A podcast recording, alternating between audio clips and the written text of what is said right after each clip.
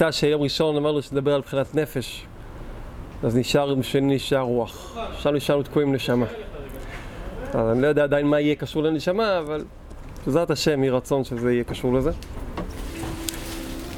אה, לא הכוונה דווקא נשמה למעלה, כי השאיפה, במיוחד בשיעור הזה, זה לדבר יותר במציאות הפשוטה של הסדר, כי בסופו של דבר, הזכרנו הרבה ביומיים האחרונים את העניין הזה, שהלילה הזה כמה שהם מתכוננים או שהם ציירים בראש אותו, בפועל הוא לילה קצר מאוד, עמוס מאוד, אין זמן לכלום. זה מעניין הפער הגדול. לא תמיד כל שנה אני שואל את עצמי, מאיפה הפער? יש יקום אחר, שם אנשים יש להם פסח אחר, יש פער עצום ממה שמתואר שאמור להיות ליל הסדר, לא שזה פחות טוב, אבל יש מלא אגדות, מלא דברים, יש המון מקום להכניס כל מיני דברים, ואיפה, איפה? רק מתחיל, כבר אתה נמצא בחצויס, ורק לתאם ולסדר את הקזייסים, רק להסתדר עם כל המסובים. ואם הקדוש ברוך הוא היה רוצה שאנחנו בליל הסדר נשב עם אה, משלים וסיפורים, ואם כמו שאנחנו מציירים לנו את זה, אז אולי נותן כזה לילה עמוס, הוא יכול לתכנן, לתכנן את העניין, כן? אין לו שום, אין לו בעיה בעניין של חלילה וחס לתכנן, וגם בעל המסדר האגודה וכל התקנות שקיבלנו מחז"ל, אה, איך, איך לסדר את הלילה הזה, אה, זה מתוכנן מאוד, זה ליל הסדר, וזה מתוכנן מאוד שאנחנו אה, אף פעם, אנחנו אף פעם לא מצליחים לעלות על התוכנית הזאת, זו תוכנית מעניינת. אז האלף בית והנקודת מוצא זה ההגדרה הפשוטה הפשוטה הזאת, והיא לא פשוטה כל כך אצלנו, שליל הסדר יודע את דרכו מה שנקרא. ליל הסדר טבוע בו כל מה שצריך להיות בו, לא צריכים להמציא אותו. צריכים לסדר אותו. אומרת, לעשות, ללכת לפי הסדר. זה ליל הסדר. זה, אין, אין אף לילה כזה שנקרא בשם המעניין הזה, ליל הסדר. למרות שהרבה טוענים שזה כזה לא סדר, זה הפוך, גם לפי הפנימיות, זה, סדר, זה הפוך מהסדר הלילה הזה. סדר המשכת המוחין הפוך. ועוד הרבה דברים הפוכים בכוונה, גם בניגלה, פשט, פשט, אנחנו הופכים, מקדימים, עושים, משחקים עם, עם, עם, עם, עם הסדר בצורה לא כל כך מסודרת.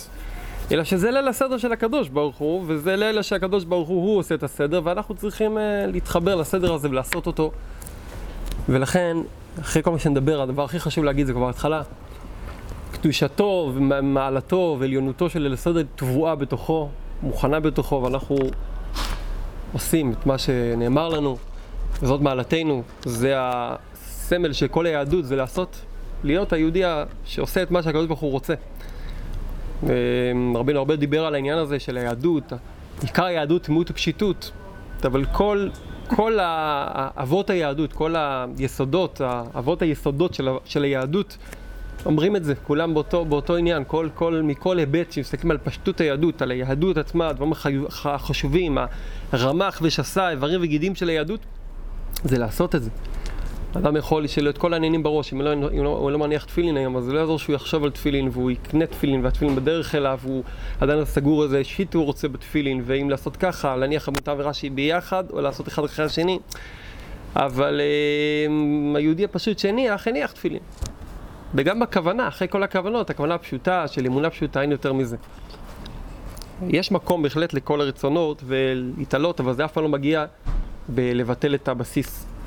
והמוחין הכי גדולים וההתחברות הכי גדולה דווקא נמצא שאדם מחיה עוד ועוד את הבסיס הזה. זה בכלל. אמרנו נפש רוח נשמה, אז מילה אחת על זה, להתכוונן לשם. נפש זה מקביל למעשה, נפש מקביל לגוף בהרבה בחינות. למידת מלכות, לאמונה, רוח לתורה, רוח להרגשה או לדיבור, למידות, ונשמה למחשבה או לכוונה או למוחין.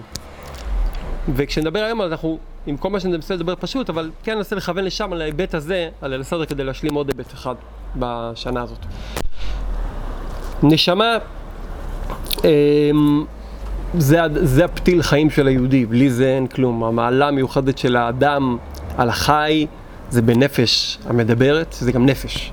אבל לאדם היהודי יש את המעלה שיש לו, שהיא מיוחדת לו, שיש לו נשמה. יש לו גם, הנשמה זה גם נפש, רוח נשמה של יהודי, אבל השם נשמה הוא מיוחד מאוד מאוד לעם ישראל.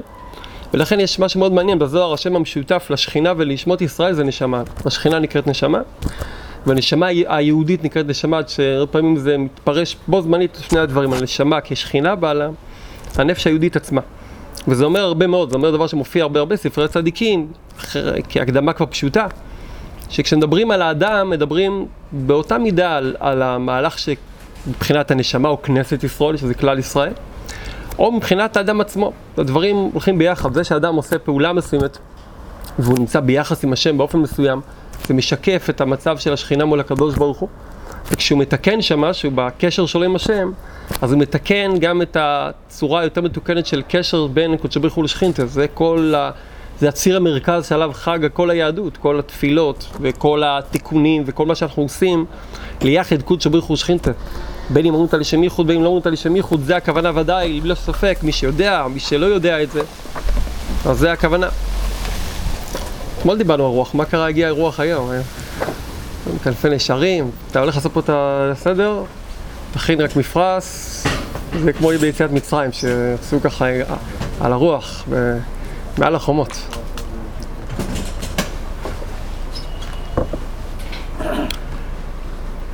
האדם עושה פעולה פה, אבל הוא מכוון למעלה, וזה לא סתירה לכוון פה, כי אין שום כוונה פה, אם לא מכוונת לפנימיות שלה, שזה נקרא קשר בין קודש ברוך הוא לשכינתה, אין שום משמעות. אין עכשיו מקום להעריך בזה, אבל כן מילה או שתיים על זה. מה אדם, אין אף פרט בעיות שאדם עושה בלי שהיהדות הייתה אומרת את זה.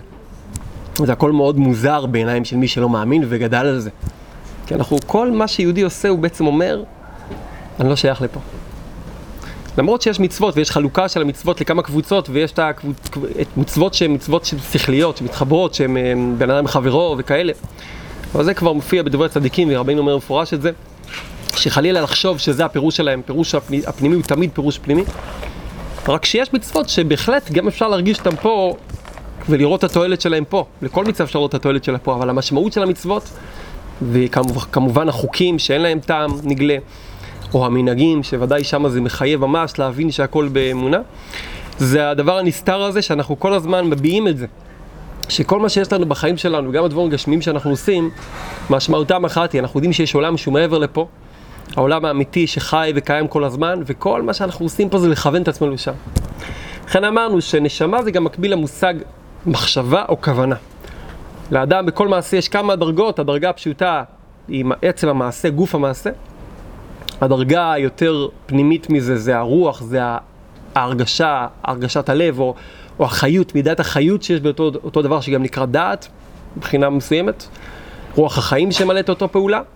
ומעל זה נמצאת הכוונה שהיא כמו האדם, זה כמו שרואים אדם שרוכב, נוסע באוטו, רוכב על מרכבה, אז המרכבה עצמה, הרכב, הוא המלכות, הוא המעשה, הוא הנפש.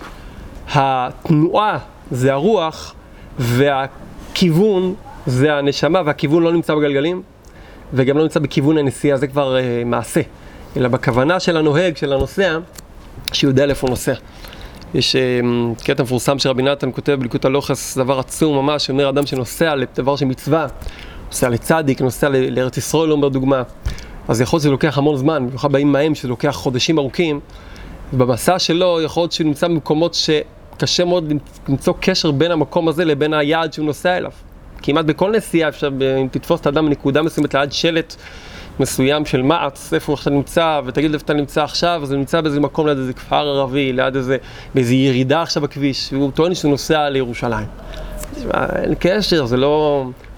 אפילו מתחיל באותו אות, העיר הזאת והעיר הזאת, מה הקשר? מה כן, תסתכל על הכביש הנוסע, תכיר קצת כבישים, תבין שזה התוכנית. לפעמים גם הכביש לא מעיד דווקא בהכרח. יש דרך צדדית לעקוף איזה, איזה פקק. היחיד בכל הסיפור שיודע שמשמר את הקשר למק... ל... ליעד, זה הכוונה של הנוסע, שיכול להיות שהוא יוצא בפונדק דרכים, והוא לן שם, ויכול להיות שהוא קיבל פאנצ'ר בגלגל, ויכול להיות שהוא מתעכב בדרך שלו, לפעמים תקופות שלמות, אבל אם נסיעתו היא לכיוון, אומר מלוסן, כל המסע כולו הוא היעד כבר. לא רק שהוא מוגן, אלא שאי אפשר להגיד, אי אפשר לנתק את התהליך מהיעד. אם יש תהליך והוא מכוון, אז התהליך משקף את היעד. אנחנו צריכים לשמוע את זה מאוד מאוד ביהדות ובליל הסדר ודאי, שאנחנו אז יוצאים ממצרים, וכולם שמחים שיוצאים ממצרים, אבל בואו לא נשכח שזה תחילתו של תהליך ארוך מאוד, שבליל הסדר יש הרבה השפעות של אורות, אבל זה תכף ומיד היום טוב הראשון, אנחנו מתחילים לספור לעומר, וזה אומר מהלך מאוד איטי, מאוד מאוד אה, מפורט, צעד אחר צעד, כאשר המהלך במדבר עצמו עוד 40 שנה. גם בעבודת השם באופן פרטי וגם בכל, ב, ב, ביהדותנו, בסדר של מעגל השנה, יש את המקום הזה שאתה נכנס למהלך, ואילולי הכוונה אין שום משמעות למה שעושים. גם זה חשוב מאוד לומר כבר בתחילת הדברים. נכנסים לליל הסדר של ליל הקדוש, בדיוק כמו של ליל הסדר ההיסטוריה, ליל הסדר במהות שלו, הליל יציאת מצרים, פסח מצרים, יציאת מצרים, היה התחלה של תהליך ארוך ארוך שוודאי לא היינו מגיעים לכלום, אלא רק אחרי הט"ו אה, מעלות שמוזכרים באילו, אילו ציינו וכולי, עד ארץ ישראל, אחרי כל השלבים, זה לוקח הרבה מאוד זמן. אבל אתה בכל אופן חוגג את ליל הסדר, אנחנו לא חוגגים את הכניסה לארץ ישראל, יש איזה חג על כניסה לארץ ישראל? לא היה כזה חג, איזה, יש, אה, אין משהו כזה, לא? יש? ירושלים. ירושלים. זה קורה דווקא די קרוב, ירושלים הזה. הכל מתחיל מיציאת מצרים. כי ביציאת מצרים יש כוונה. הכוונה היא, כי יש מכוון, יש מנהיג, הקדוש ברוך הוא, משה רבינו מנהיג אותנו בדברו של השם, וכל אחד מישראל היה מקושר למשה רבינו, והיה מכוון שהוא הולך לצאת לאיפה שהשם הולך לשים אותו, הוא לא סתם יוצא ממצרים כי נמאס לו, זה החטא הגדול של חטא העגל, שאמרו נתנה ראש ונשובה מצרימה. ברגע שהתנתקו מההתקשרות למכוון, לנשמה, שזה היה האור של משה רבינו הצדיק, המנהיג, באותו רגע הם קיבלו את היעד האחד והיחיד, מצרים. אין לך שום יעד חוץ ממצרים. באלפי השגות שלך יש לך מצרים בראש. תראה שאיך שהם, תחשבו על אוגנדה, למה לחשוב עכשיו על מצרים? יש עוד אפשרויות בכדור הארץ, תנסו עוד כמה דברים, מה? מה יש? למה דווקא מצרים? זה המקום של הסיוט. איזה, תעשו הסכם שלום מדינה ליד. דווקא מצרימה? למה לחזור מצרימה? זה בדיוק כל העניין. יצאת ממצרים, אין לך כלום, חוץ מהיעד, וכל התחנות שבדרך הן הולכות ומתגלות לאורך המסע, שהן כולם לימוד של אמונה כידוע, אבל ברגע שאדם מתנתק מהכוונה, מהכוונה, מהנשמה, בחטא העגל זה היה ההתנתקות עם משה שהוא הנשמה של עם ישראל, ותכף נראה את זה גם ביחס לעצמנו בליל הסדר, אז נשאר רק מצרים, לא נשאר כלום. ואמור מעתה, כשאנחנו יוצאים בליל הסדר, כל הלילה הזה יושב על כוונה גדולה מאיתנו, וזה הנס של הלילה הזה. וזה פתח עצום להיכנס נכון ללילה.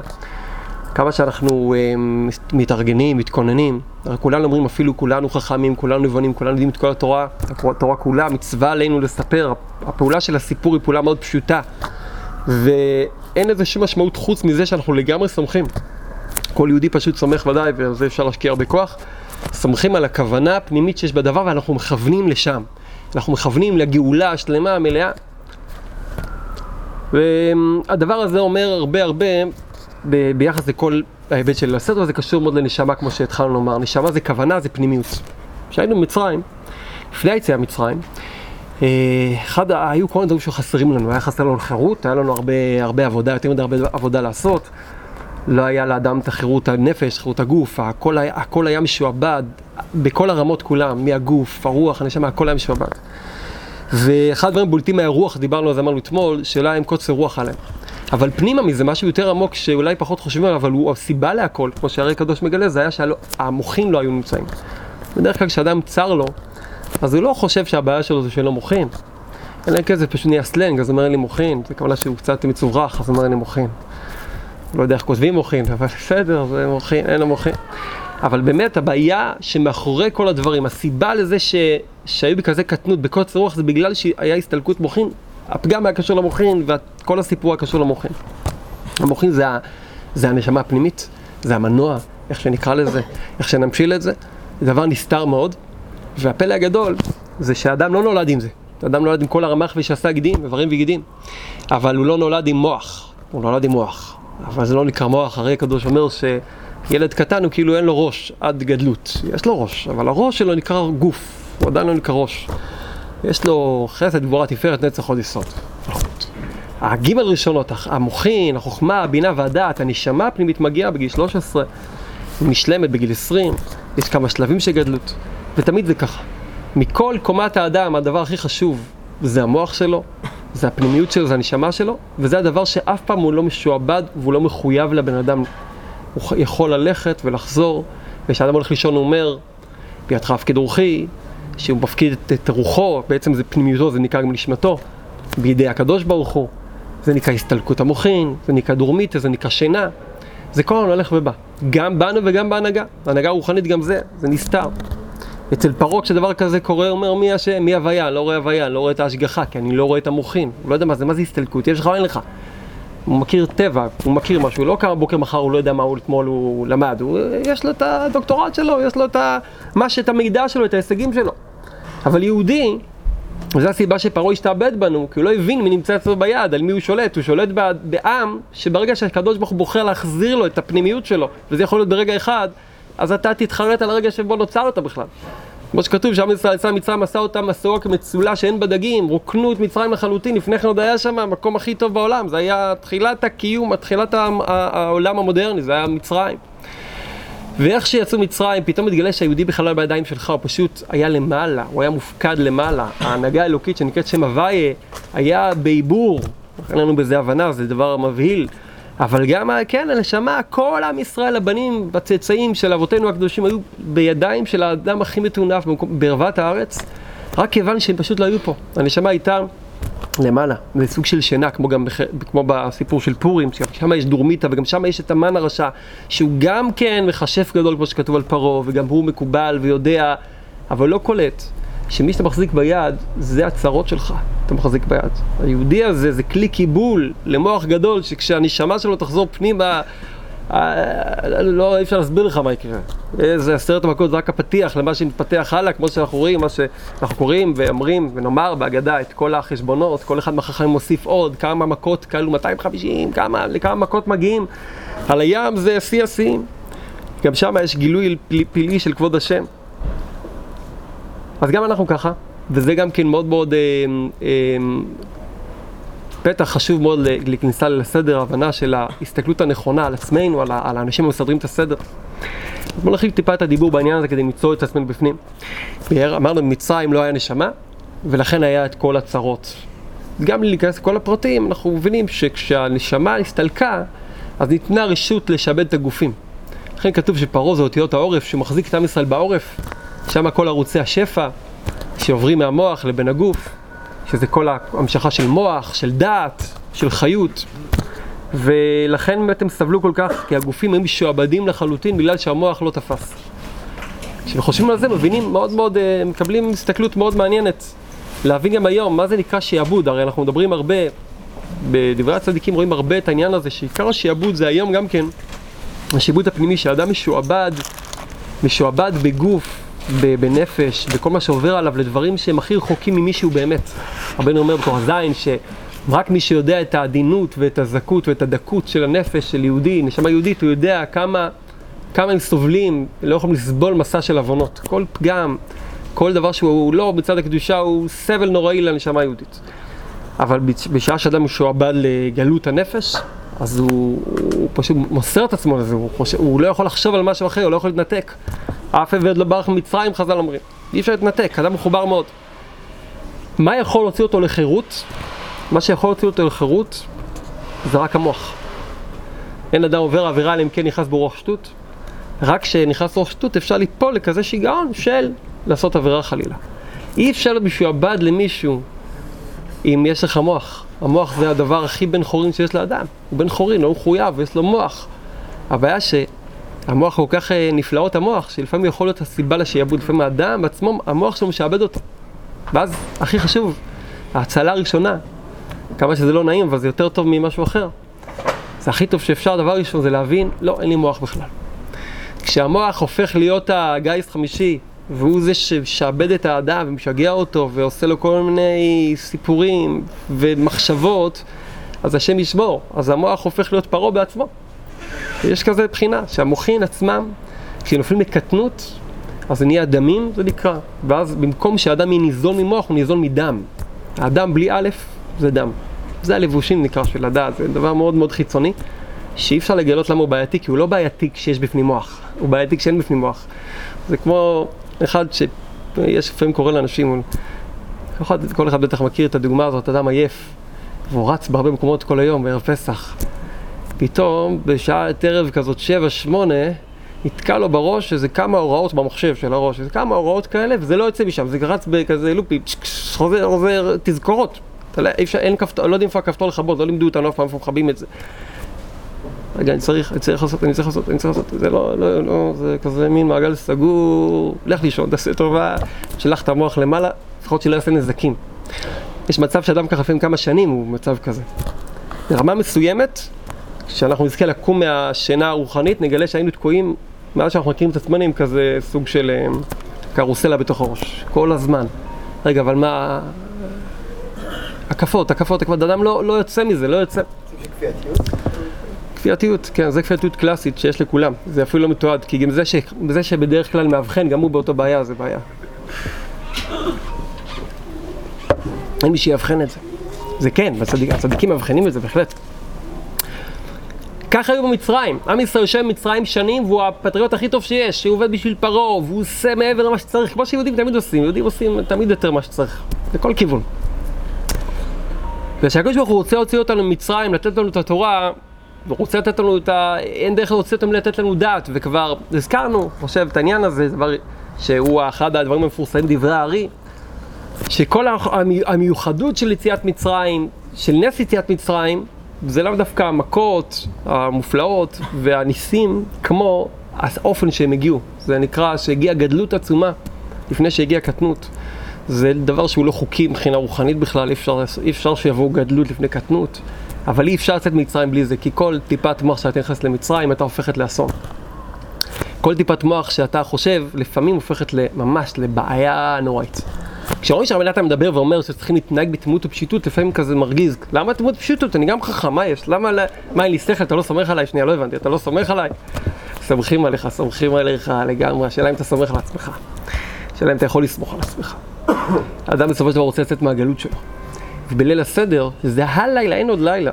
שהוא פשוט צריך להיות תענוג לכל אדם שאוהב מוחין, כי זה הלילה שמגיעים סטים של מוחין, אין לילה כזה, אתה מקבל בסט, רצף, אתה כל, כל חג צריך לעבוד על זה יו, לילה, ואז יום, להגיע את כל התפילות כולם, ארבע, חמש תפילות, בשביל להגיע לכל מה שצריך. עם הרבה סעודות באמצע, זה לוקח זמן, בשעה זה חתיכת פרויקט, להגיע למוחין האלה, לאיפה שאתה מגיע בקדש, מאיפה, מה דוחר שמי, זה תהליך. וזה לא כי זה תהליך ארוך, זה גם, זה גם חלק מהמציאות. אם זה תהליך ארוך, אז זה לא בליץ של אור, בפסח זה בליץ של אור, לא משנה אם אתה מרגיש או לא מרגיש. אין מצב שבלילה מגיעים כאלה מוחים. בלילה בדרך כלל מגיעים מוחים הרבה יותר פשוטים. כל ההתחלה של השבת, ההערות בבוקר. זו שהעליות לשבת הן מופלאות, כי פשוט יש הבדל עצום בין חול לשבס, שלכן אנחנו מרגישים בעיקר בליל שבת, כי אז יש את ההבדל הדרמטי בין חול לשבת. מצד העליות, בבוקר זה, לא, זה בכלל לא עולה בשם ההבדלים. בליל פסח מגיע הכל בבת אחת, בתוך כמה שעות של ליל הסדר. ואז אנחנו הכי לא מתאימים בשביל מוחין. מוחין זה כורסה, לשבת, כמה ניגונים, אין לך זמן, אתה, יש לך שם תאריך תפוגה לא, לא יותר מדי נדיב. ואפילו מי שיש לו את התאריך היותר רחוק, אפשר ככה עם החצות, אה, אבל כמה? אפילו תשב כל הלילה, רק, ל, רק לאכול את זה, זה לוקח זמן. לא, לא ביקשו ממך לאכול את זה, זה אמור לשלוף אותך משם פשוט ממצרים. בלילה הזה מקבלים דעת, מקבלים נשמה, מקבלים את המוח, שזה הגאולה. אבל לפני כן, וזה השלב הכי חשוב, זה אנחנו רוצים לדבר, לפני כן, אה, מה זה בכלל מוח? ואולי לפני כן, אה, למה לי אין מוח באמת? להבין שאין לי מוח. זה לא בא להעליב אותנו, הפוך, זה בא להלהיב אותנו, לרומם אותנו. זה מה שיכול לגאול את האדם. כשאדם מגיע למקום ומתאכזב, הישועה היחידה שאפשר לעשות לו זה לגלות לו שזה לא המקום שהוא התכוון. לא, זה לא זה, זה. זה הכנה, זה המוסך פה, זה לא זה, זה עדיין, הדבר האמיתי, אנחנו עדיין לפני כן. אדם חושב על, על, על עבודת השם, על הגן עדן עם מוח שלא, הוא לא תומך גן עדן, הוא לא יודע, זה לא, לא מתחשק לו גן עדן, כי גן עדן נשמע לו, לא יודע. תשאיר אותי פה עוד כמה שנים, שימאס לי אני אבקש גן עדן, כשיהיה משהו שיעמם לי. בינתיים יש דברים שאפשר, אתה יודע, אולי פה, אם קצת יסדרו לי כמה דברים בחיים, שהקדוש ברוך הוא קצת יזיז את ה... שם את הכפתורים של כסף, קצת יותר נחה, קצת שיפסיקו להלחיץ, לשגע. פה זה דווקא די בסדר.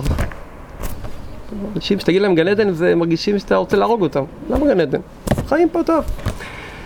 רק אדם שקצת נוגע במהות של הנשמה שלו ומתחיל להבין שכל מה שהוא חושב וכל מה שהוא חווה זה, זה, זה, זה, זה חוויה שבלי ראש, או, מה שמתחיל להיפתח. זה חוויה שבלי ראש, אה. ככה קורה שאדם שלומדים קצת פנימיות, קבולה, דברי אז אתם מתחילים משהו, אה, זה המוחין, אה, זה לא, זה עדיין לא מוחין. אה, זה מוחין, זה, זה גם עדיין לא מוחין. זה, אה, זה גם עדיין לא מוחין. זה מתחיל להיות מצב שאדם מתחיל להבין, אה, לא הבנתי עדיין, אה, לא הבנתי. ככל שהוא יותר מבין שהוא עדיין לא הבין, אז יפתח לו פתאום להבין, אה, אז בעצם לא מבין כלום. שכוייח, ועדיין לא הבנת. אבל לפני שזה מתחיל לקרות, אדם מאוד מפחד מהגילויים האלה, זה גילויים מעליבים, זה גילויים תוקעים. עדיף, בוא, בוא, בוא נדבר חיובית, בוא, בוא נדבר מה אני כן יודע. למה לדבר מה שאתה כן יודע? זה אתה יודע להגיד לכולם מה אתה כן יודע, אתה יודע, אתה אדם כישרוני. אבל אם מישהו יכול לגלות לך מה אתה לא יודע, ולגרום לך לי, באמת להכיל את זה, אז זה גאולת נפש עצומה, זה גואל אמיתי, זה מה שרופא נפש, זה דבר, זה, זה, בשביל זה שווה הכל, שווה אפילו לאכול מצות שבוע בשביל דבר כזה, שווה, הכל.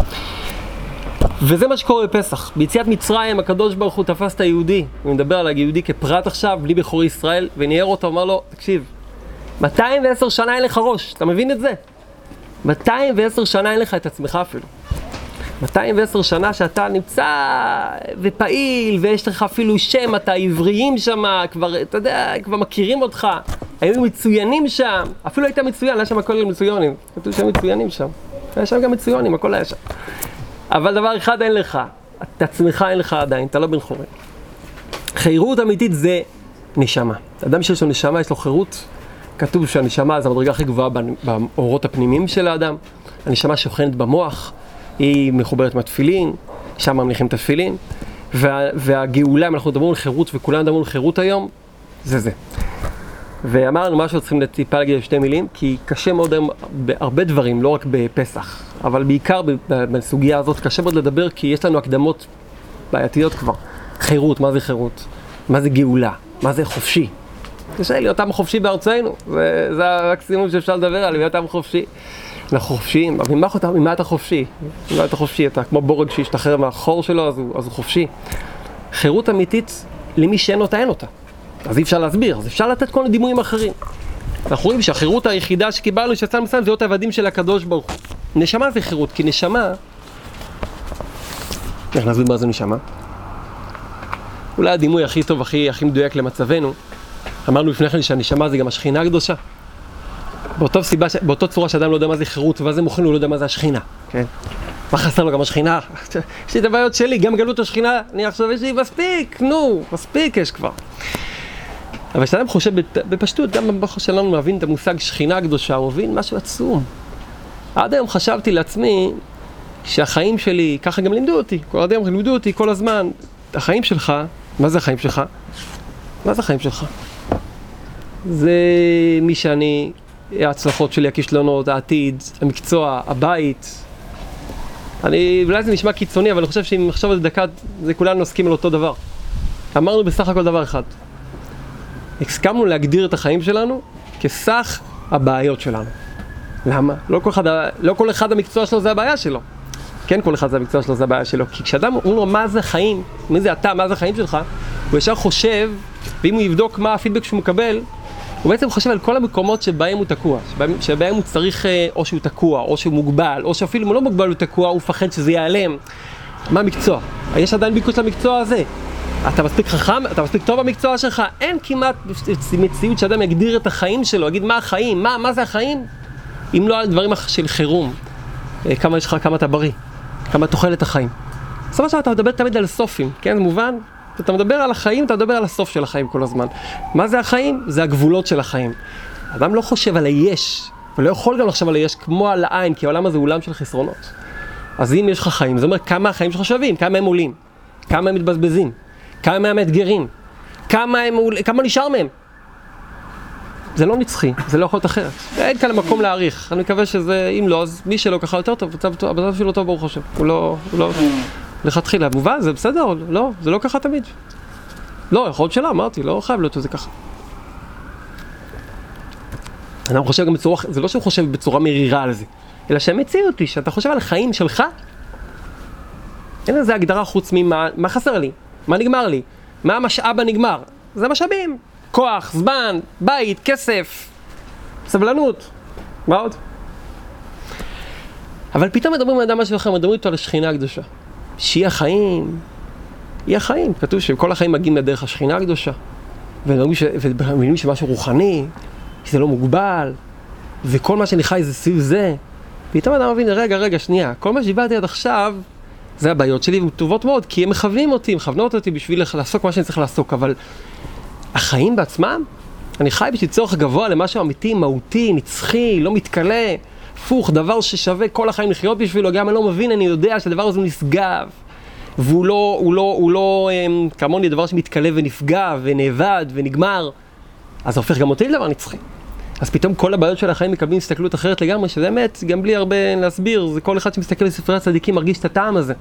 שפתאום דברים שהם אנושיים, דברים שהם אנושים, דברים שהם הצטרכויות, הופכים לדבר נעלה, דבר מרומם. אכילה, פרנסה, בריאות, אפילו קשיים, אפילו כאבים, הכל הופך למשהו אחר לגמרי. לא סתם האמונה עושה את האדם, אדם ש... בן חורין, גם האדם המאמין הכי פשוט, היכולת שלו להישען ולהיסמך ולסמוך על משהו, לא רק שהוא בבעיה, אלא לעשות משהו ולסמוך על משהו יותר גדול כשאני עושה את המשהו. לעשות משהו בשביל, לעשות פעולה בשביל משהו שהוא לא נגמר ומסתכם בחיים שלי, זה... תנסה לחשוב בלי זה, אין חיים בלי זה. זה כמו להיכנס לבית כלא איום ונורא לצורך צינוק, אתה עושה פעולה ומסתכמת במה שעשית. הכנת חביתה וזה רק נקרא שהכנת חביתה. זה בעובי של החביתה בערך. זה החיים. תחשוב על, על, על, על, על האפשרות המבהילה הזאת, שברגע שאתה מכין חביתה, כל רמ"ח ושסה, עם המוחין והדעת וכל האיברים שלך, וכל הכ... המוח מאוד חכם, גם אתה שאנחנו הכי טיפשים, המוח שלנו מאוד מאוד חכם. כל כולו עסוק במרגרינה, לא יודע, כל אחד מה שהוא נוהג לשים, ביצה מחבת. סיכום מדהים, זה נרן שלם, נפש רוח להישבע, שלמות. זה כל הסיכום, תגיד, אתה מסכים לזה? זה מעליב. לא, אני חושב על דברים, מה אתה חושב? בוא, מה אתה חושב? בוא לא נגיד מה. אה, אתה חושב על צרות, בעיות, קשיים. אה, יש כאלה שחושבים אז מחשבות נעלות, מרוממות, מחשבות מופלאות. יכול להיות שהוא חושב שלא יישרף, זו גם מחשבה מאוד טובה. חייב לחשוב אחרת מה יהיה. אתה יכול להסכים לרעיון הזה שסיכום, אפילו בחמש דקות הקרובות יסכמו אותך, כי אם מישהו יגיד, אני יכול לסכם אותך רגע, אני צריך פשוט להגיד, לתת, אני עושה סקר בבתים פה, אני רוצה לדעת מה, מה אתה. אני לא רואה שאתה בנקאי, לא, אני לא רואה שאתה, אני, אני רואה מה אתה עושה, אני לא יודע יותר מזה כלום. אני, סיכום. מה אתה עושה עכשיו? אני רואה גוף, ידיים, רגליים, ליד מחבת. יופי, קיבלת סיכום של אדם. זה הסיכום? עכשיו, זה לא הרי חמש דקות, זה הרי כל החיים בערך. כשאתה יושן, זה יותר טוב. זה אתה... מספיק העלבנו את עצמנו? כל זה פשוט להסביר שאי אפשר, זה בלתי אפשרי פשוט, אי אפשר להסכים זה. פרעה, זה מה שהוא רצה. פרעה רצה שזה מה שיהיה, וככה הוא עשה. ביום הראשון הוא יצא ועשה קמפיין, בחירות חזק מאוד, היה לו קופירייטרים מדהימים, ונתנו לו רעיון גאוני שאף אחד לא חשב עליו אז. רק שהיה, אז לקחו כל כבד, והוא שם לבנה. היום עושים תמונה עם לבנה, לא צריכים לעבוד קשה, שם לבנה על עצמו, קשר את זה, הלך עם זה, ושיעבד את עצמו למצרים. אז אנשים השתעבדו גם כן, היה שם מויכין, ממש מויכין, מסרו לרעיון האדיר. אז פרעה אמר לחבר'ה, יופי, עשיתם מדהים, מחר אין אתכם, נשאר המספר. מה, כמה עשית היום, מחר אתה עושה את אותו דבר. זהו, נגמר. מה אני צריך אתכם? אני צריך את כל התוכן, אני צריך אה, אה, איזשהו, איזה, איזה המנון של המדינה שלנו להלהיב אתכם? לא, אתה לא, אתה חייב לעשות את זה. זה נקרא מכסת, מכסה, מכסה יומית, זה נקרא מספר. אסור לספור את עם ישראל. כשאתה סופר יהודי אתה עושה את העוול הכי גדול בעולם, אתה לוקח את הדבר השלם, הדבר העצום, הדבר האינסופי ואתה מכמת אותו. מכמת אותו גם בקוף וגם בכף. לתוך, אחד מתוך סיכום, אפשר לסכם פעולה, אפשר לסכם חמש דקות של יהודי. אי אפשר לסכם. אפשר לסכם ליל הסדר, אפשר לסכם תפילה, אי אפשר. אבל אנחנו הרבה פעמים עושים לעצמנו את זה. אנחנו מסכמים את מה שעשינו, אה, עשיתי את זה. אנחנו מסכמים, כמה נשאר פה דפים בשביל לקרוא? אז כמה פרטים יש בליל הסדר? יש מספר, אבל זה לא מסתכם בזה. פרעה שיאבד את הגופים היהודיים בזה שהוא יתעלם מהנשמה, והוא מנע את היכולת של האדם היהודי העברי, לפני עדיין לא היה יהודי, לתקשר ולמשוך חיות מהנשמה שלו. וזה נקרא שעדיין לקדוש ברוך הוא לא היה בני בכורי ישראל, אין לקדוש ברוך הוא עדיין בן. יש נפש רוח, דיברנו, אבל הרמה של נשמה זה, זה בעיה של השם כביכול. אין לו בנים פה. ויש פה גופים, מצאצאי האבות, כתוב כבר, המהר"ל כותב שבגוף הם היו שונים מהמצרים, היה להם חן ויופי, והם מיוחדים, מצוינים שם. מוכיח את זה מלשונות שאנחנו קוראים בתוך ההגדה. אבל זה לא כלום כל עוד שאין בפנים את הידיעה הפנימית, את הנשמה, את החיות, את המוח המחיה שמחבר את האדם, יש לי אבא. זה מה שאמרנו. במורה הגדול זה גילוי שכינה. היו צדיקים, רבי נתן, שהיה קורא את זה בלעשר להתעלף, שאמר את זה. זה גילוי שכינה, גילוי שכינה. גילוי שכינה, כל אחד, זה החיים שלו. בלי גילוי שכינה אין חיים. וגם מי שלא ראה ולא זכה, אנחנו לא זוכים עדיין כנראה, אבל יש לו גילוי שכינה, כל ליל הסדר. זה שאתה עושה את הלילה הזה, זה גילוי שכינה עצום. זה גילוי שכינה, זה אמונה, גילוי של אמונה. כשיצאנו ממצרים, בבת אחת קרה משהו שאף אדם יוצא מצרים לא הכיר את זה בכלל. הם נולדו כבר במצרים דורי דורות, ופתאום, פתאום מופיע, אתה לך שפתאום מופיע לך בתוך הראש, זרם מחשבות, נקלע לך לתוך הראש זרם מחשבות שלא, אתה לא מכיר איפה זה מגיע. זה קורה לנו לפעמים, כן? אתה יושב פשוט ליד מישהו, מדבר בתוך הראש שלך, אתה לא יכול לרדת, זהו, העלו אותך לאוטוסטרדה, אתה צריך לשמוע, והוא טובל לך את כל העלילה ואת כל התווים של הניגון, אדם לא יכול, פתאום מתחיל, מה, מה, מה זה, מה אני חושב, מה, מה זה, מאיפה זה הגיע? יש לי כל מיני כאלה ערוצים של מחשבות. יש אפילו, זה אפילו מקצוע שלם לגרום לאנשים לחשוב מחשבות מסוימות, כן? כמעט לא נמצא אדם שחושב מחשבות אישיות. זה, כאן חושבים כך, זהו. מה, אתה רוצה להשתגע? מה קרה לך? אתה רוצה שנאשפז אותך בכפייה? כאן חושבים כך, אסור לחשוב יותר מזה, אתה תהיה משוגע, מה? אתה לא הגיוני, מה, מה אתה מדבר? איך תחתן את הילדים שלך?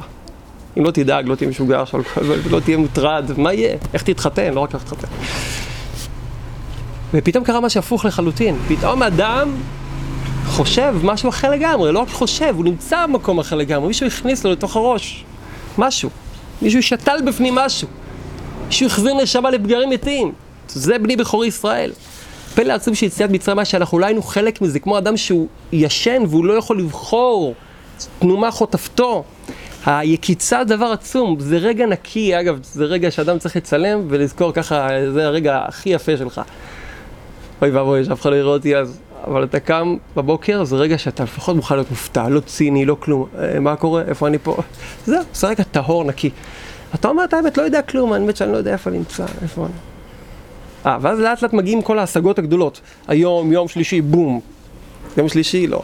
צריכים לסדר את טראח, זה מפולת של כמה סלעים.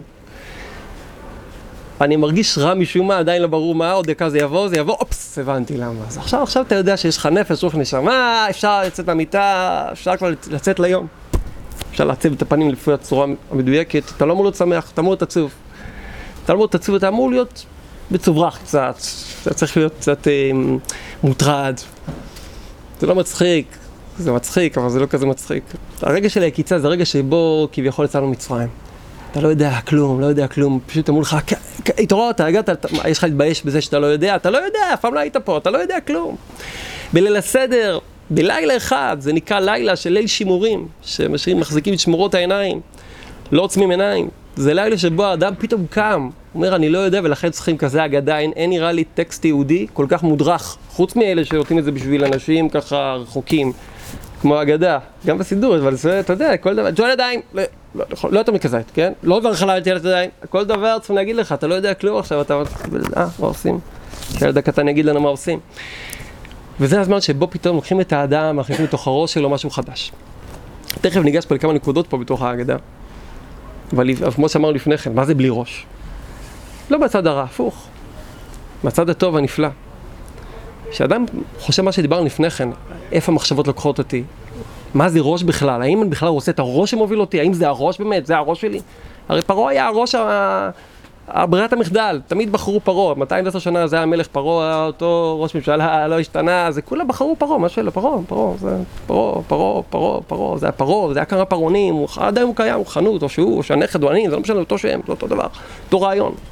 אדם כל הזמן חוזר, בוחר באותו ראש, באותו ראש, עד שהקדוש ברוך הוא בוחר לקחת, לקחת את הראש שלו ולרומם אותו. הראש, כשאנחנו הולכים ויושבים, ואדם הולך, עושה משהו, הראש נמצא פה, כן? בערך באזור הזה. הראש הפנימי, זה כבר יותר קשה למצוא איפה הוא נמצא. כי דווקא לא חייבת שיש פה ראש, אמרנו כבר, ארי אומר שאצל ילד, שם לי מוחין גם פה, זה לא ראש עדיין, זה ידיים, פה הוא נושא לתפוס עם, עם החלק הזה משהו, עם החלק הזה משהו אחר, הוא נושא לתפוס את העולם, זה לא, ניקח חסד גבור תפארת במקרה הטוב, זה לא, זה לא מויכין עדיין. מה זה ראש? אז ראש זה כבר פירוש של הדברים. לטוב ולמוטב, כוונת הדברים, מה אתה מתכוון שאתה עושה?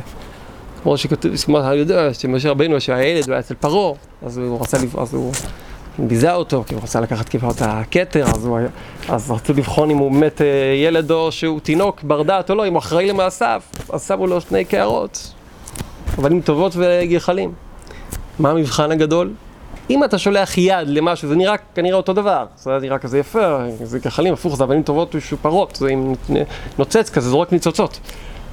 אם מדובר באדם בר דעת, אז התנועה, הפעולות שהוא יעשה, יעידו האם יש מאחוריהם כוונה או לא. כוונת הדברים זה הנשמה של הדברים. וזה כל, כמעט כל מציאות האדם. אדם שעושה פעולה בלי כוונה, זה כמו גוף בלי נשמה כתוב. אז הכוונה פשוטה שכל יהודי יוצא בזה שהוא מאמין, אבל בלי זה אין כלום. אין כלום, מסעסק. לטוב ולמוטב, לא מחייבים אותו. אבל מסעסק במצווה זה בעיה גדולה. גם אם לא צריכים לכוון וטעמי המצוות לא יתגלו, או שיש מצוות שלא צריכים לכוון, יש שיטות, אם, אם, אם זה מעכב בלצאת ידי חובת המצווה או לא, אבל ודאי שכוונה פשוטה לעשות רצון השם חייבים. לדעת את טעם המצווה זה כבר שאלות לכאן או לכאן, אבל לכולם, כשעושים את זה באמונה פשוטה, יוצאים ידי חובה, ולכולם זה הכוונה הכי נקייה. אבל כוונה צריך, וכוונה זה מוח. והסיבה שאדם מכוון זה בגלל שיש לו נשמה. אין דבר שיכול להידבק בדבר אלא בדומה לו. כמו שכבר כתוב מקדמונים, שהנשמה של האדם יש לה כוח עצום, בגלל שהיא חצובה במקום עליון, אז היא עולה בטבעיות, כמו חוק אלוהי שלובים, במקום בשמנו נחצבה.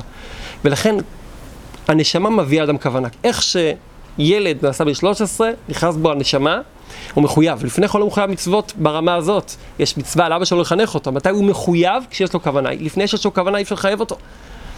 גם בהתפתחות היותר רוחנית הלאה, שאדם יש גילאים רוחניים, כשאדם אין לו נשמה, כשאדם תפוס אצל פרעה, אי אפשר לחייב אותו בכלום. אי אפשר לדבר איתו על שום דבר. כל החיובים מגיעים אחרי יציאת מצרים, שכבר אפשר לדבר איתך על, על כוונה. בסדר של יציאת מצרים, כמו שכבר כתוב בתוך הלשון של ההגדה, ועם כל הפירושים שיש לזה, אבל אפילו בלשון הפשוטה, מדובר הרבה הרבה על כמה וכמה סוגי גדלות. אנחנו מתחילים בגנות, עבדים היינו לפרעה מצרים, ויציאנו וכולי, ואז מברכים והכל, מודים לקדוש ברוך הוא, ואז יש פסוק אחד בסך הכל, אומר, רמי עובד אבי, וירד מצרים ויגר שם מתי מעט, ואיש שם לגוי גודל עוצם ורוב. ועל כל זה הולך, אנחנו פורטים את זה, וירד מצרים האנוס על פי הדיבור, ויגור שם מלמד שלא ירד יעקב להשתקע, ומתי מעט זה החצי ראשון. ואז מתחיל החצי של הגאולה. ואיש שם לגוי מלמד שהיו ישראל מצוינים שם. גדול, עצום ורב, אז לומדים מה כל אחד מביא, ואז יש פסוק על ורב, כמו שנאמר, רבבה כצמח הסוד נסתיך, ותרבי ותגדלי. הארי הקדוש מלמד את כל סדר המוחין בפסוק הזה. ותרבי ותגדלי. כמו שגם מהר"ל מביא שהלשונות הם גדול, עצום ורב, זה שלוש סוגים של, שלוש דרגות של גדלות. כנגד זה יש גם כן שלוש לשונות של עינוי, שזה ויראו ויענונו ויתנו עלינו. ואז מגיע ונצעק אל השם אלוקינו. וירא השם, תניענו, יתמלאנו, תלחצנו, שוב פעם שלוש. מאוד מעניין, זה הכל שלוש, שלוש, שלוש, זה גם מעיד על מוחין, וזה מבטא כמה וכמה דברים. נקודה אחת שמאוד מאוד אפשר להתחבר אליה לאור מה שדיברנו, זה שהקדוש ברוך הוא, שהיינו בתוך מצרים, מבקש מאיתנו בליל הסדר לדבר משהו מסוים שהסדר שלו משקף את כל הפתיל, את כל, את כל הסיפור כולו. מתחיל בגנות מסיים בשבח, וכל הסיפור הוא לא לוקח הרבה זמן, הגדה היא לא כזה ארוך, יש תפילות יותר ארוכות. אבל היא מעוטפת ומקיפה את כל המהות של הסיפור של יהודי, לא רק של יציאת מצרים. יציאת מצרים זה סיפור של עם ישראל, אנחנו הכל מבוסס על יציאת מצרים. כל המצוות הם זכר יציאת מצרים, רבי נתן כותב שהבן החכם שואל שאלה והוא מקבל תשובה מוזרה, אומרים לו, הוא שואל את השאלה הכי לעניין מכל ארבע בנים. ובמקום שיענו לו תשובה ויגידו לו תשובה, כמו ששואל, מה העדות והחוקים, אז אומרים לו, אין מפתיעים אחר פסח אפיקומן. זה נשמע כמעט על סף הטכני. אין מפתיעים אחר פסח אפיקומן. אז מלאס אומר עצום, דבר עצום, אומר, אפיקומן זה אפיקומן הרי, זה נקרא שאסור שיהיה טעם אחר. צריכים להשאיר את הטעם של הפסח או של המצה בימינו. ולכן אומרים אפיקומן, לא הסימן האחרונה. אומר, כל המושג טעמים של מה שאנחנו עושים, זה דבר שאין לנו דרך להגיע, לגשת אליו ולהחזיק אותו ברשותנו היום. אז לא מבקשים, תן לי לדעת ולטעום את כל הדברים. אני צריך לדעת תמיד, אני עושה מה שאני יכול, השאר זה הטעמים האמיתיים לא ברשותי עדיין, כי אחרת אתה מאבד את הקשר לנצח. וכשהבן החכם שואל את השאלה מה העדות, הוא לא סתם שואל מה העדות, הוא הרי חכם. הוא שואל מה הטעמים של העדות, החוקים, מה, מה הטעם של כל דבר. אומר אמנוס, הרעיון הוא שכל המצוות הן זכר ליציאת מצרים, אבל אני לא יודע איך, תסביר לי למה זה קשור, כל מה שאתה מצווה אותי בתורה ליציאת מצרים. אלא מה?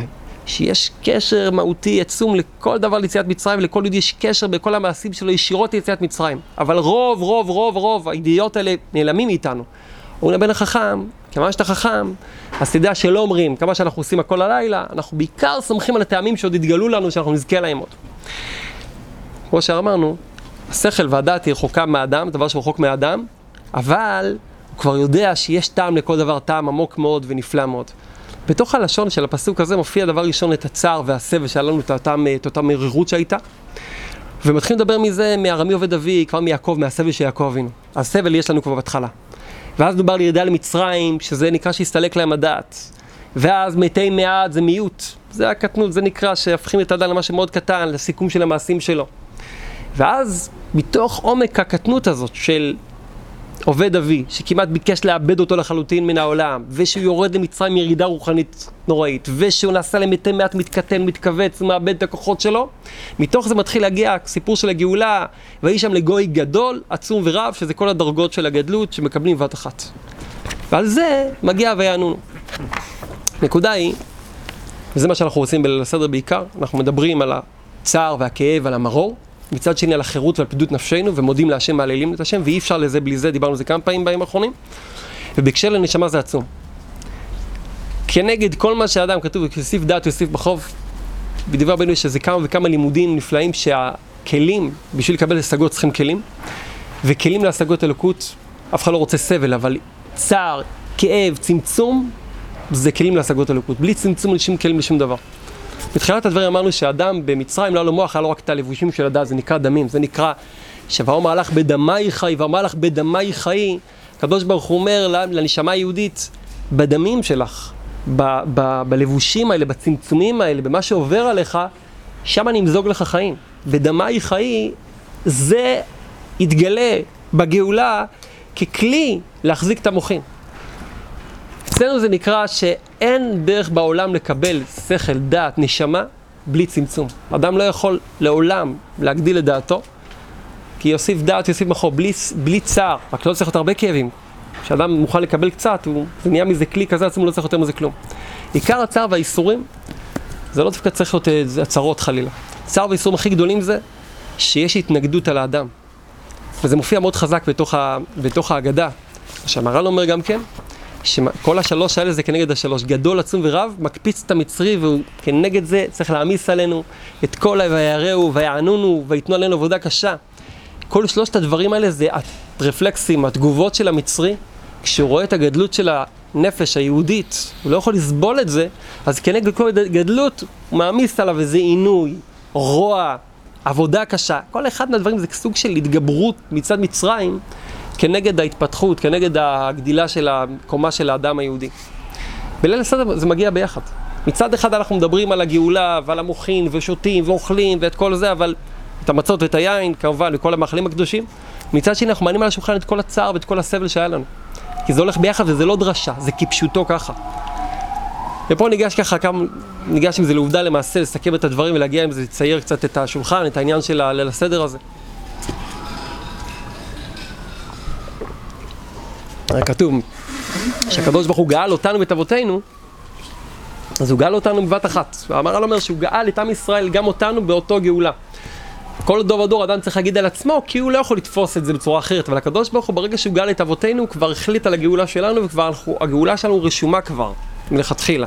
מי שלחוץ על הסדר, אז הגאולה רשומה, אם אנחנו רק נסכים להתחבר אליה, זה כבר ביציאת מצרים, כבר הוציאו אותנו על עכשיו, כבר הוציאו אותנו משם. זה קורה עכשיו, זה עכשיו הזמן שזה קורה, אבל זה כבר היה אז. זה יותר גדול ממה שאנחנו, אה, מהגישה שלנו להרוס את זה. רק צריכים להתחבר לזה. ולחיות את זה. העינוי, זה הרבה פעמים מלמד כמה אתה מקבל. אדם שמקבל דעת, אין לו שום דרך לקבל מה זה דעת, אין לו דרך להתחבר מה זה דעת, מה זה מוח בכלל. הוא לא יודע מה זה מוח. אבל כשהוא רואה שמישהו מתנגד כל כך על המוח הזה, אז הוא יכול להתחיל להישאר מה מדובר פה. לא סתם אומרים, במיוחד אצל לפני שלמדנו ככה במי שמורגל בשפת... אה, ליקוט המוהר"ן, ליקוט הלוחס, אז, אז המניעות, אומרים מניעות, יש מניעות, זה להגדיל את הרצון, לפעמים זה כבר הפך כזה כבר לסלנג, אבל זה אמיתי ברמה כזו שאי אפשר, אפילו אדם שלא יודע את זה, מרגיש מיד ש, שתשמע, בעצם זה הסיפור חיים שלי. איפה ידעת שאתה נוגע דבר אמיתי? כשקפצו עליך. כשהכל פתוח ושום דבר לא קורה, אז לא, לא קורה כלום. מה השכל שבדבר הזה? זאת אומרת, זה הרבה מאוד מה שדיברנו לפני כן. אין דרך לתפוס מה זה מוח, מה זה נשמה, כי זה רוחני מדי, כי זה, כי זה מתנגד מדי לעולם שלנו. אין משהו שמתנגד לעולם שלנו כמו מוח. אין משהו שמתנגד לעולם שלנו כמו נשמה. כי העולם של אדם הוא עולם גשמי, חומרי, תפוס, עולם של הישגים, עולם של צמצומים.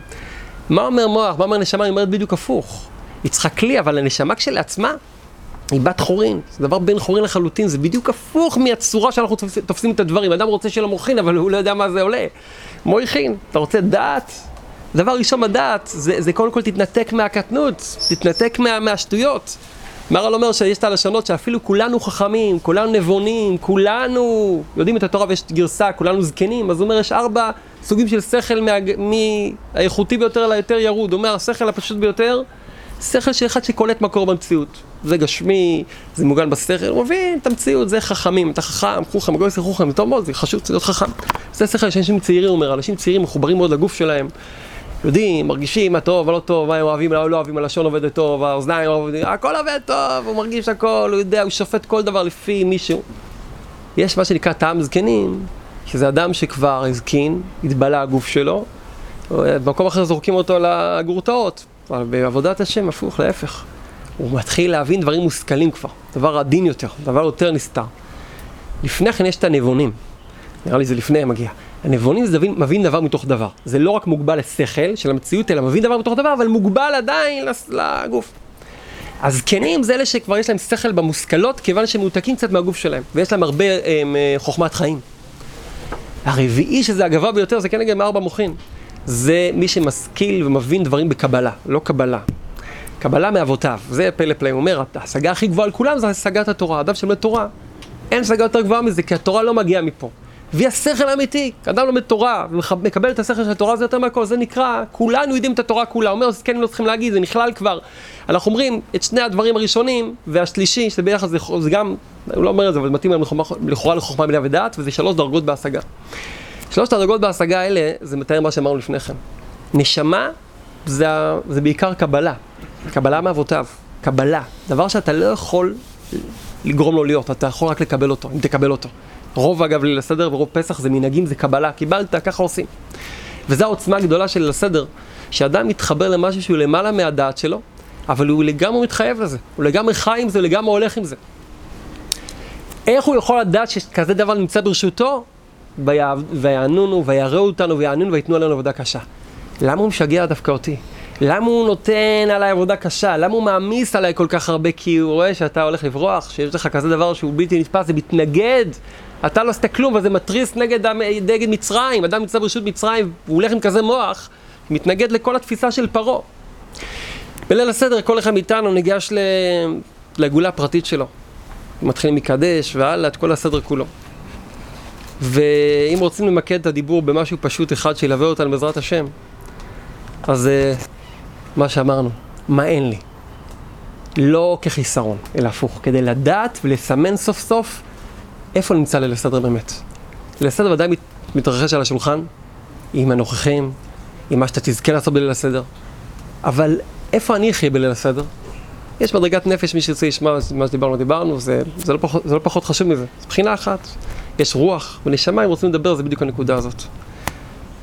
הרי כל אחד בסוף יצטרך לעשות את הסדר לפי צורת הבית שלו ולפי מה שיקרה בבית שלו, בעזרת השם לטובה, אבל זה הכל, אתה יודע, אתה לא יכול לדעת בדיוק מה, איך זה, אין שום דבר.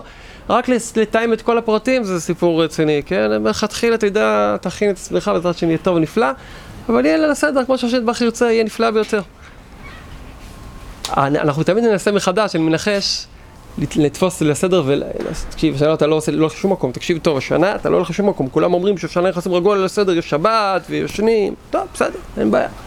שבת ברוך השם אי אפשר לעבוד, אבל יש שונט בוקר, אל תשכחו שיש שונט, כן? זה גם, בסדר, אולי תהיה סוג אחר, אבל יש כבדות לפעמים, לא? מוציא שבס, בעזרת השם יהיה טוב, יהיה מאוד טוב, אבל אתה לא יכול לתפוס לסדר, אתה צריך לעשות אותו.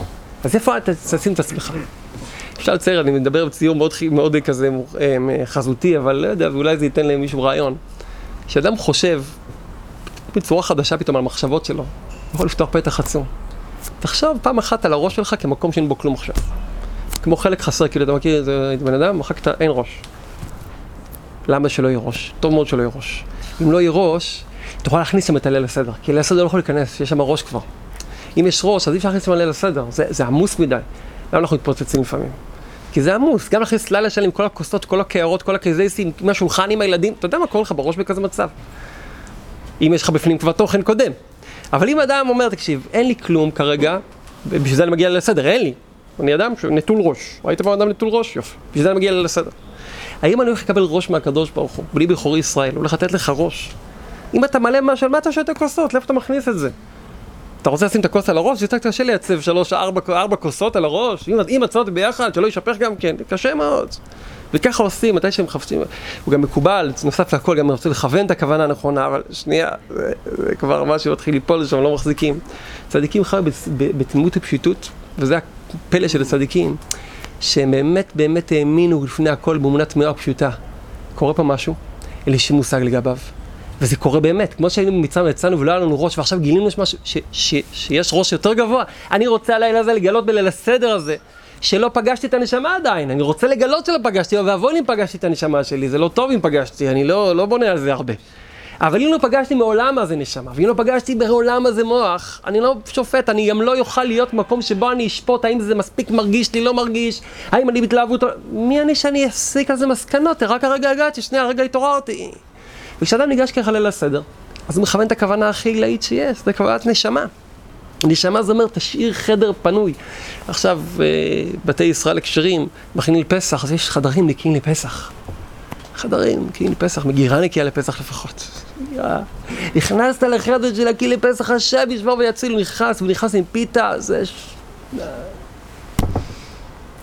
אנחנו חיים ברוך השם במצב כזה, ילדים קטנים, רצים בגלח עם פיתות, עושים הרבה לשמירה.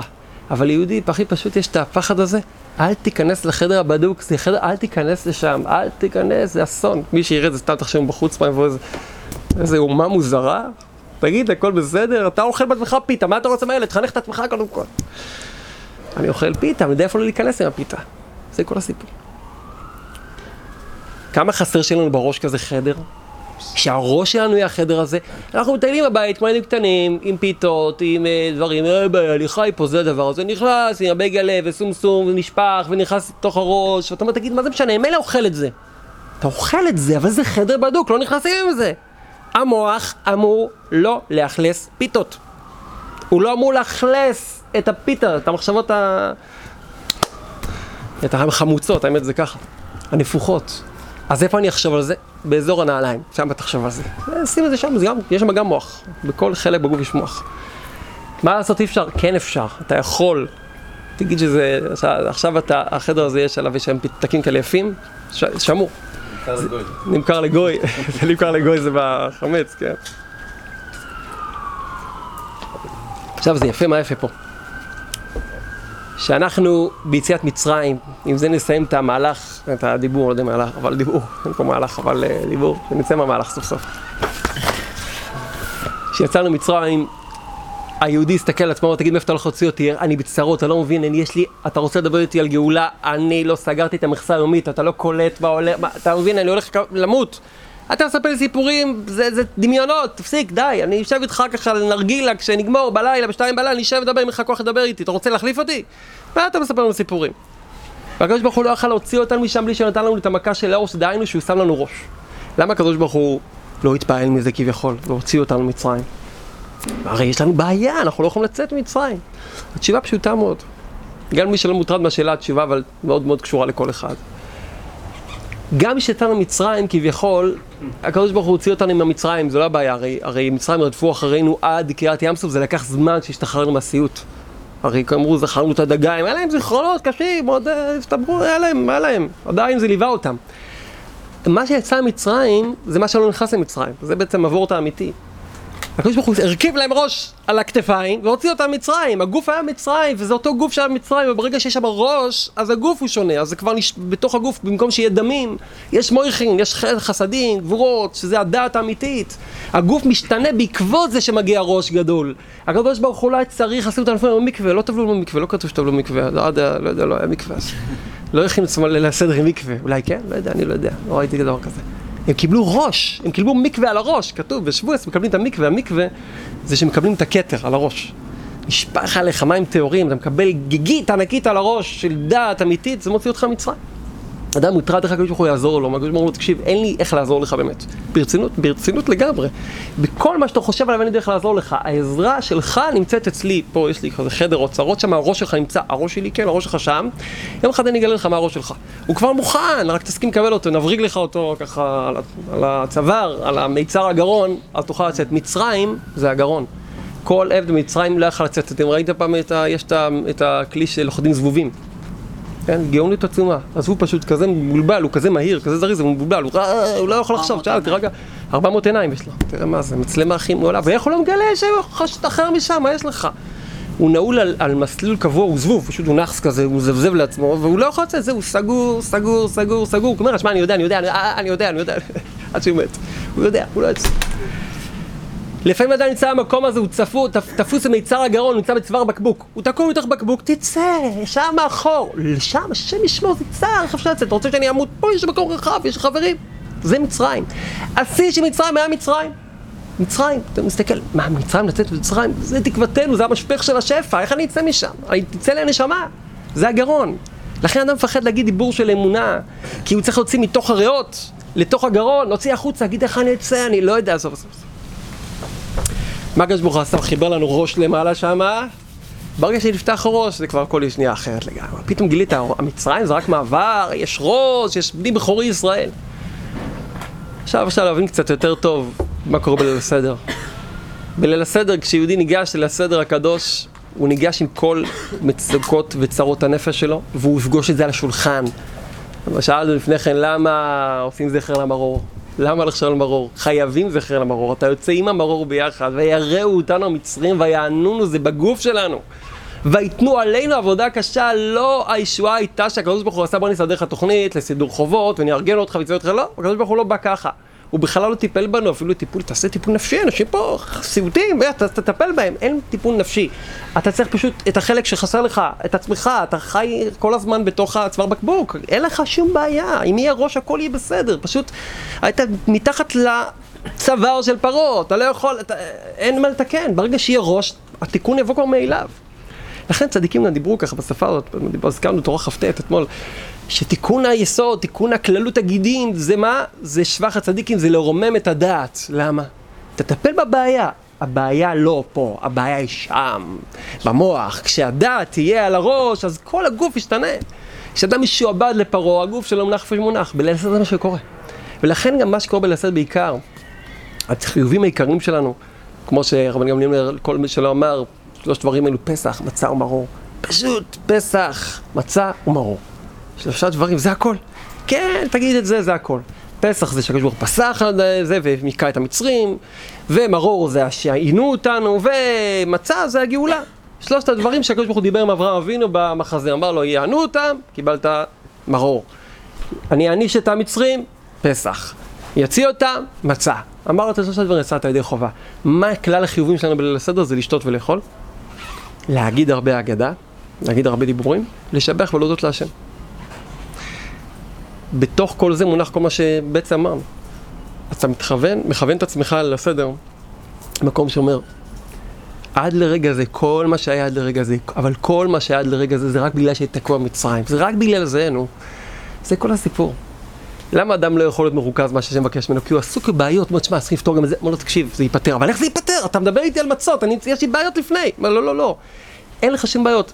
כל זה בגלל שהיית במצרים, אתה מבין? יופי, יופי, זה יוציא אותך ממצרים. אתה צריך להכניס את את ה, עם המצות סוג אחד של מוח, היין סוג אחר של מוח, הכרפס וזה, יש לנו לך את התמונה, זה מוחין דקטנות, זה גדלות, זה גדלות א', גדלות ב', אתה לא יודע, לא, לא נורא, אתה תדע, אתה שיהיה בפנים, גם כן הכל יהיה בסדר, ולהגיד, ההגדה זה עיקר הדעת. ההגדה, כשאדם מוציא דיבור מתוך הפה שלה בקול, בהתלהבות, זה עיקר הדעת. וכמובן שלא נגענו באף פרט. יש כל כך הרבה פרטים, אבל בכלל, הכלל, הלוואי ונתחבר לכלל, כי כל, כל הפרטים מונחים בתוך כלל. הציור הזה שהזכרנו לפני כן, שאדם מרגיש שאין לו ראש, לא סתם מחברים אותך עם הילד ועושים חברוסה, אבות ובנים. זה אבות ובנים הכי קדמון שיש, אבות ובנים, לילה אחד אבות ובנים, כל לילה, תדבר עם הילד. ואם אין, אז תדבר עם עצמך. ולפני שתדבר עם הילד, תדבר עם הילד שבפנים, עם, ה, עם אותו בן הזה, כל אחד יש לו ארבעה בנים כאלה, ארבעה גלגלים שמניעים אותו מדבר לדבר. לדבר עם ילד, זה דורש מאדם לרדת לרמה של הילד, נכון? אז הרבה פעמים אדם שיורד לרמה של ילד, הוא עושה לו, מה אתה אומר? אתה שומע את זה? פרעה, האמת שהדור שלנו, ילדים שיסתכל להם בעיניים, יראה שתגיד, תפסיק לשחק בסיפורים. דבר איתי בגובה העיניים, כמו שאתה אומר חברים שלך, תסביר לי, תכבד אותי, לא תעשה לי פוצ'י מוצ'י, לא הילד מתי כמו שאתה היית ילד, אני כבר ילד אחר, משודרג. וזה הרבה אמת, כי לפעמים אדם יורד על ילד יותר מדי, הוא פשוט לא מאמין שגם הוא ילד, אז הוא פשוט יורד מגדולתו אל הילד, להסביר לו, לכן הוא גם לא יכול לעשות משהו אמיתי. יש הרבה מאוד ספרים יפים בחנויות שאפשר להראות ציורים, ואני אומר, ניסיון אישי קטן, שאפשר לתת לילד את הספר, את הקומיקס, בעיקר לבד, הוא יותר עניין, תאמין, אתה מעכב אותו, הוא אוהב לקרוא, הלוך חזור, לקרוא, לראות, דמיין את עצמו שם. גם את הסיפורים הוא שמע את הכל. רוב הסיפורים שלהם לספר כבר סיפרו בחיידר, סיפרו בבית ספר, סיפרו, יודעים את הכל. זה חשוב לספר, כן, אבל יודעים את הכל. אנחנו לפעמים גם משעממים אותם קצת, אז ראוי לדבר עם הילדים. אבל אם אתה רוצה באמת לא לשעמם, אז אל תשעמם את עצמך קודם כל. מה זה לשעמם את עצמך? להגיד לילד הזה, תקשיב, לא מדברים איתך עכשיו, עכשיו אנחנו עם קיטל, עכשיו אנחנו עם אה, זה, עכשיו שקט. מה לעשות שדווקא אז הוא מגיע הרבה פעמים? הוא מגיע, הוא רוצה. יש בליקוד תפילס, בלוס מתפלל, זה כן לקבל כל בליל פסח, כל המריחין דה גדלס וקטנס, זה פשוט לכל מי שלומד כתבי ארי, למה הוא אומר את זה? אבל בסלנג של קטנות, למה אתה מבקש על קטנות? מוכן דה גדלות, מוכן דה קטנות, קפוט, שילך, מה עכשיו מוכן דה קטנות? למה? אתה בשביל זה אוכל כרפס, בשביל המוכן דה קטנות. חור, כרפס ותכלת. מה זה כרפס? כרפס זה, זה אחד מסוג, זה לבוש. נכון? לא כרפס, מה? כן.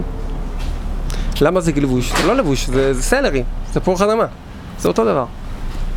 זה אותו דבר. קולקציה של כרפסים. זה לבוש. והלבוש הזה, זה נקרא מויכין דקטנס. הארי אומר שמוחין דקטנס זה שמות אלוקים, זה דינים. בגדלות זה נהיה לבושי המוחין. זה קולקציית המוחין. ויש לך מוחין דקטנות. מה זה מוחין דקטנס? זה לבושים, לבושים, לבושים, לבושים. עכשיו מי מתעסק עם לבושים? המויכין דקטנס מתעסק עם לבושים, ילדים. עכשיו, מה אתה יכול לשמח אותו? לתת לו את הלבוש שלו עכשיו. למה הוא שמח בזה? יש בזה שכל גדול מאוד. זה הזהות שלו, זה הלבוש שלו. מזה הוא מרגיש, והוא יותר מרגיש, זה לא מופרך לומר בכלל, בכלל, שמרגיש יותר פסח מאיתנו הרבה פעמים. יש לו את הנעליים הבריקות, והוא רופק על הרצפה, והוא רוקע, והוא מרגיש שפרעה מת. הוא מרגיש שמשה רבנו הוא האדם הכי, באמת, המושל, הכי נפלט, הוא מביא לו נעליים חדשות. לא יודע, שם היה יציאת מצרים, יש לו נעליים חדשות, והוא יושב בשולחן והכל חגיגי. זה לא, אין מה לזלזל בזה, הלוואי ונזכה להגיע קצת להרגש פשוט של ילד, היום, עם כל מה שאנחנו יודעים, בליל הסדר. אנחנו הרבה פח, יותר רחוקים מלהבין את הדבר מה שהילד לא מבין מה שאנחנו מבינים, כן, בליל הסדר. אבל יש לפחות מה שאנחנו, הלוואי ויהיה לנו, את ההסתמכות, את אבא שלי יודע, קורה משהו אמיתי פה. וזה נקרא קרפס, זה מויכן דה קטנס וזה מתיקות עצומה, כשאדם אוכל את זה, הקדוש ברוך הוא מתאים אותו, את התמימות, את הלבוש הפשוט, תלביש את הדת, תלביש לבוש אמיתי לחיים שלך, תשנה את התפיסה.